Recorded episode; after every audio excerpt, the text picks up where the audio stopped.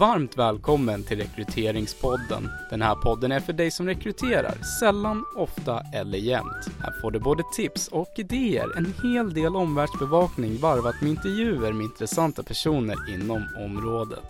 Allt för mer rättvisa och träffsäkra rekryteringar.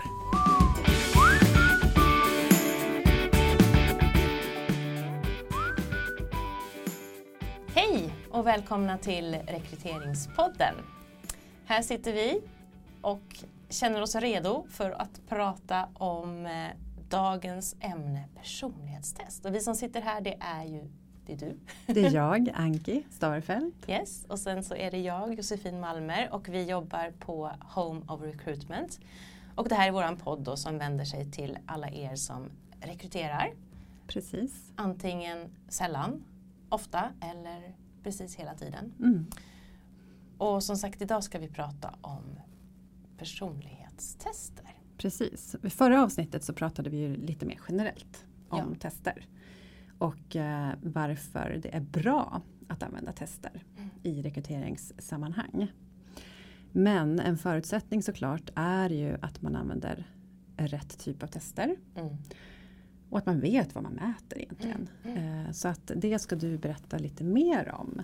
Ja, Ja, och du har ett fantastiskt exempel också. Ja, som men du det ska har berätta om lite grann här. ett lite tillspetsat och, och Ja, märkligt men men det- ändå hyfsat pedagogiskt. Precis. Mm. Eh, nej men eh, precis, jag tänker att jag börjar där med vad är det för typ av test som man eh, ska använda när man pratar personlighet.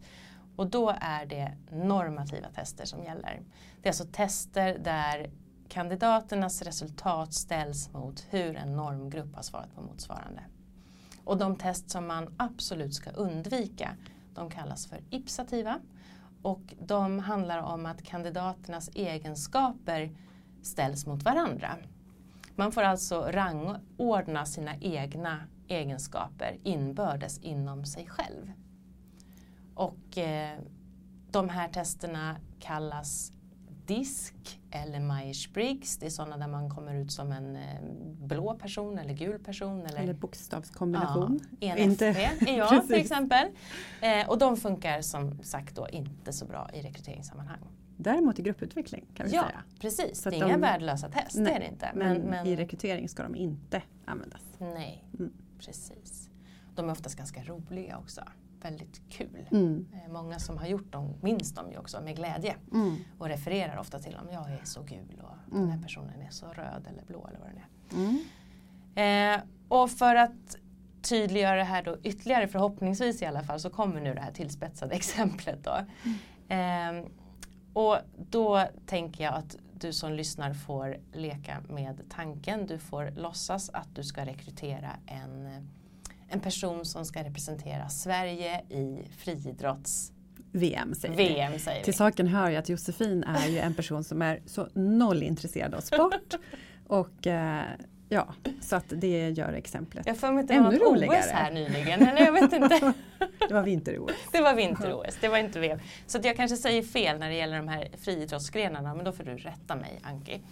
Eh, för jag, jag, jag blir väldigt stressad för att jag säger alltid fel. Jag tror att exemplet blir talande ändå. Ja, jag hoppas det. Mm.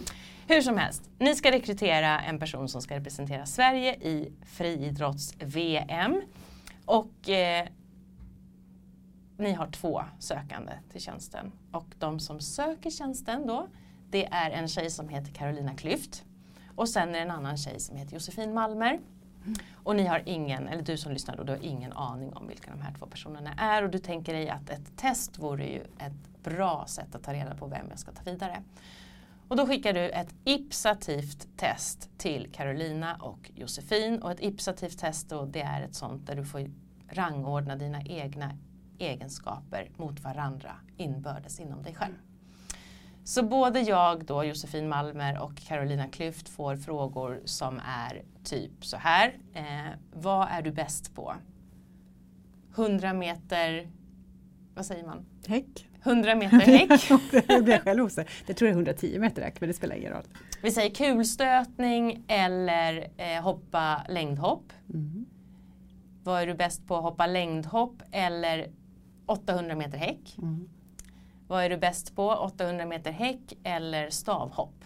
Och så vidare. Och så får man då svara. Vad är jag bäst på och vad är jag mindre bra på? Och för Josefin Malmer så är det här en stor utmaning för att hon är inte bara ointresserad av sport, hon är också ganska dålig på sport. Så att för mig blir det ju väldigt svårt att, eh, att säga att jag är bäst på någonting för jag känner att det blir inte riktigt eh, sant faktiskt.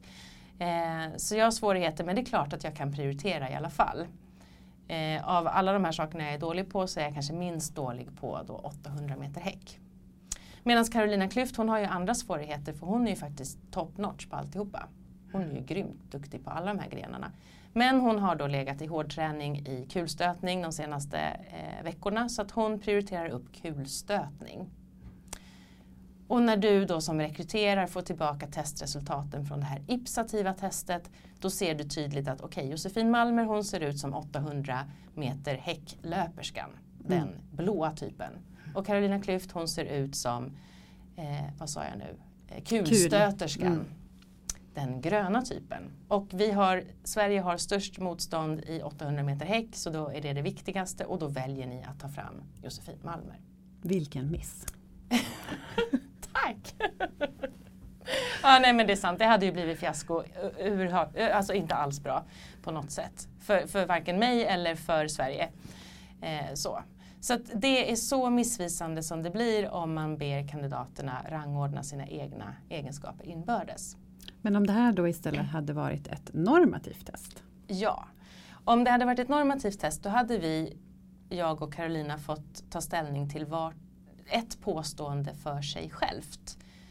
Det hade kunnat vara exempelvis, eh, jag fullkomligt flyger fram över häckarna när jag springer 800 meter häck. Instämmer fullt ut, instämmer delvis, instämmer delvis inte eller instämmer inte alls. Och då skulle jag då, Josefin, kunnat svara att nej men jag instämmer inte alls, det stämmer inte, jag gör inte det. Jag, jag trillar och gör illa mig och det går långsamt och inte alls bra. Och Carolina hade då kunnat svara instämmer fullt ut. Och det hade hon kunnat göra i eh, frågorna som handlade om kulstötning och om eh, längdhopp och alla andra grenar också. Och då när vi har en eh, representativ normgrupp, exempelvis svenska befolkningen, så hade man kunnat se då att Carolina Klüft hon kommer ut i normalfördelningskurvan som längst ut till höger, alltså bland den promillen som i Sverige är absolut bäst på mm. friidrottsgrenar rent generellt. Mm. Och jag skulle komma ut någonstans där, kanske inte längst ner bland promillen sämst, men, men ändå åt det hållet. Och då hade du som rekryterare kunnat eh, med stor sannolikhet då välja fram den personen som, som eh, skulle vara mest lämpad. Mm.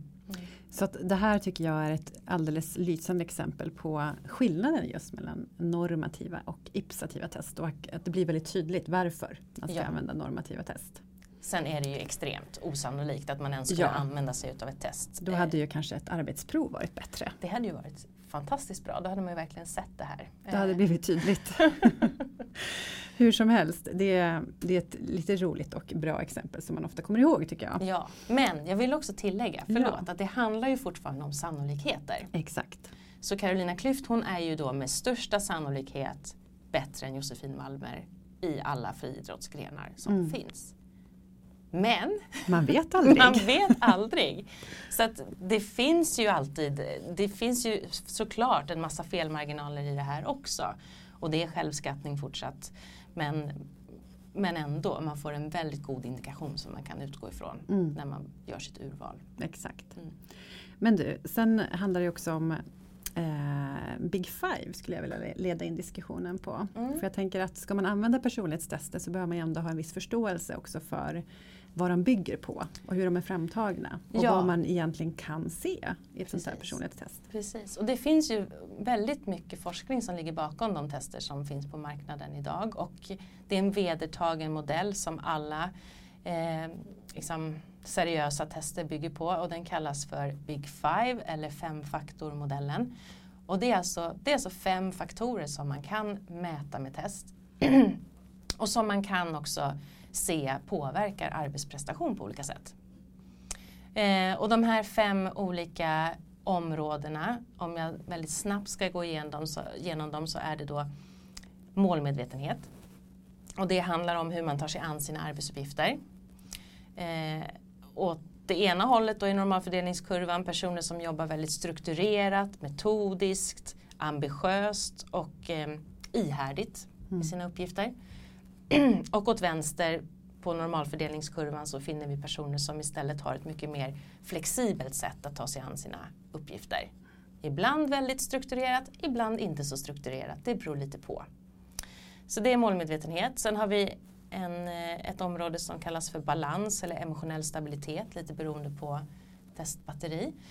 Eh, och det handlar om en persons generella tillit till sin egen förmåga. Åt höger i normalfördelningskurvan, personer som är väldigt trygga, stabila i grund och botten i sig själva. Hanterar stress på ett konstruktivt sätt. Eh, ja, tillförsikt inför framtiden, ser möjligheter, känner sig lugna, trygga. Och åt vänster då såklart motsatsen, personer som är mer lättstressade, mer lätt nervösa, eh, oroade och självkritiska, reflekterar mycket kring sin egen liksom, insats och hur kan jag göra det här bättre och så vidare. Mm. Tredje, öppenhet. Eh, kan också heta lite olika saker men det handlar om behov av inre och yttre stimulans. Eh, personer åt höger når en massa nya perspektiv på saker och ting, är kreativa, kommer med nya lösningar.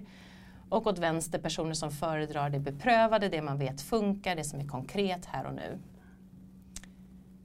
Och sen fjärde delen, det fjärde området, extraversion. Och det är just det som det heter då, eh, behovet av sociala kontakter och också vilken energi man går in i sociala kontexter med. Åt höger personer som har ett stort behov av det här, personer som tar för sig, som uttrycker sina åsikter, som syns och hörs rätt mycket. Eh, och åt vänster personer som är mycket mer inlyssnande, avvaktande, personer som inte nödvändigtvis behöver ha en massa andra människor omkring sig hela tiden för att få energi utan som kan finna energi inom sig själva på ett annat sätt.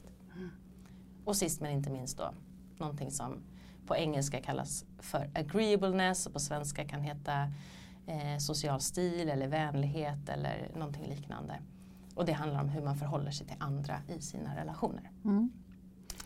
Ja. Och om man inte känner igen det här direkt utifrån det testet man kanske använder eller Mm, har gjort eller sådär. mm.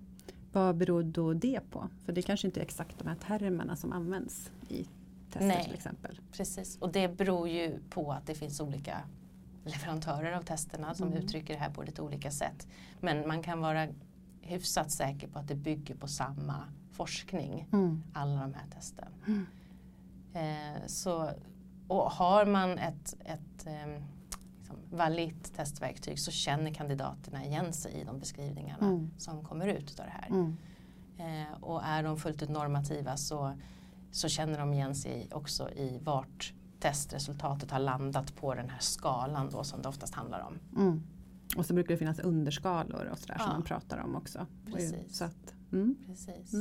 Och sen så är det ju också tydligt, eller viktigt också att prata om att det här är ju vanligtvis i alla fall det som testerna fångar är ett normalbeteende. Mm. Det som känns naturligt, det som känns bekvämt, spontant. Sen går vi ju till jobbet och känner ibland att det är lite jobbigt på jobbet. Mm. Det är väl lite därför som det heter att jobba tänker jag. Inte med dig då såklart Anke, det är aldrig jobbigt att jobba med dig. Men, men annars så kan det ju vara lite jobbigt. Och då är det ju för att man stretchar sig. Mm. Jag kanske inte är världens mest strukturerade person. Menar du det? Men eh, Och det är ju inte jag heller. nej, precis. Men, eh, och det gör ingenting. Det går hyfsat ändå. Men när vi behöver vara strukturerade då behöver vi stretcha oss. Ja. Och det är ju ett beteende som vi då eh, har lärt oss. Vi har Mm. hittat en strategi och vi väljer att göra så Mm. om dagarna för vi vet att det funkar bättre. Mm. Och då är det viktigt att diskutera under exempelvis en intervju. Precis, och sen kan det ju finnas saker som kompenserar för det förstås också. Mm, mm. Men det här vet ju alla som är någonstans certifierade i tester och använder tester. Ja. Eh, att eh, min mindre strukturerade sida eh, uppvägs ju ofta av att jag är stabil till exempel. Mm. Och kan hantera att det inte alltid är så strukturerat. Det är inte så sig, förberett, det, det, funkar. det löser sig ändå. ja, Så precis. att, eh, ja. Mm. Och inte minst om, för att liksom komma osökt in på nästa mm, eh, avsnitt. Eh, en, en låg grad av struktur kan ju kompenseras av en hög begåvning. Det är kanske så det är i ditt fall. Exakt. nu känns det jättebra. ja, för nästa gång så ska vi prata om eh, begåvning. Precis, och det är ju verkligen ett jättespännande ämne inom tester. Mm. För där är det verkligen lite känsligt också många gånger. Ja, oerhört Mm. känsligt. Men vi sparar det spännande ämnet som sagt till nästa gång. Mm. Och så tackar vi så mycket för idag. Tack så mycket. Hej då! Hej då!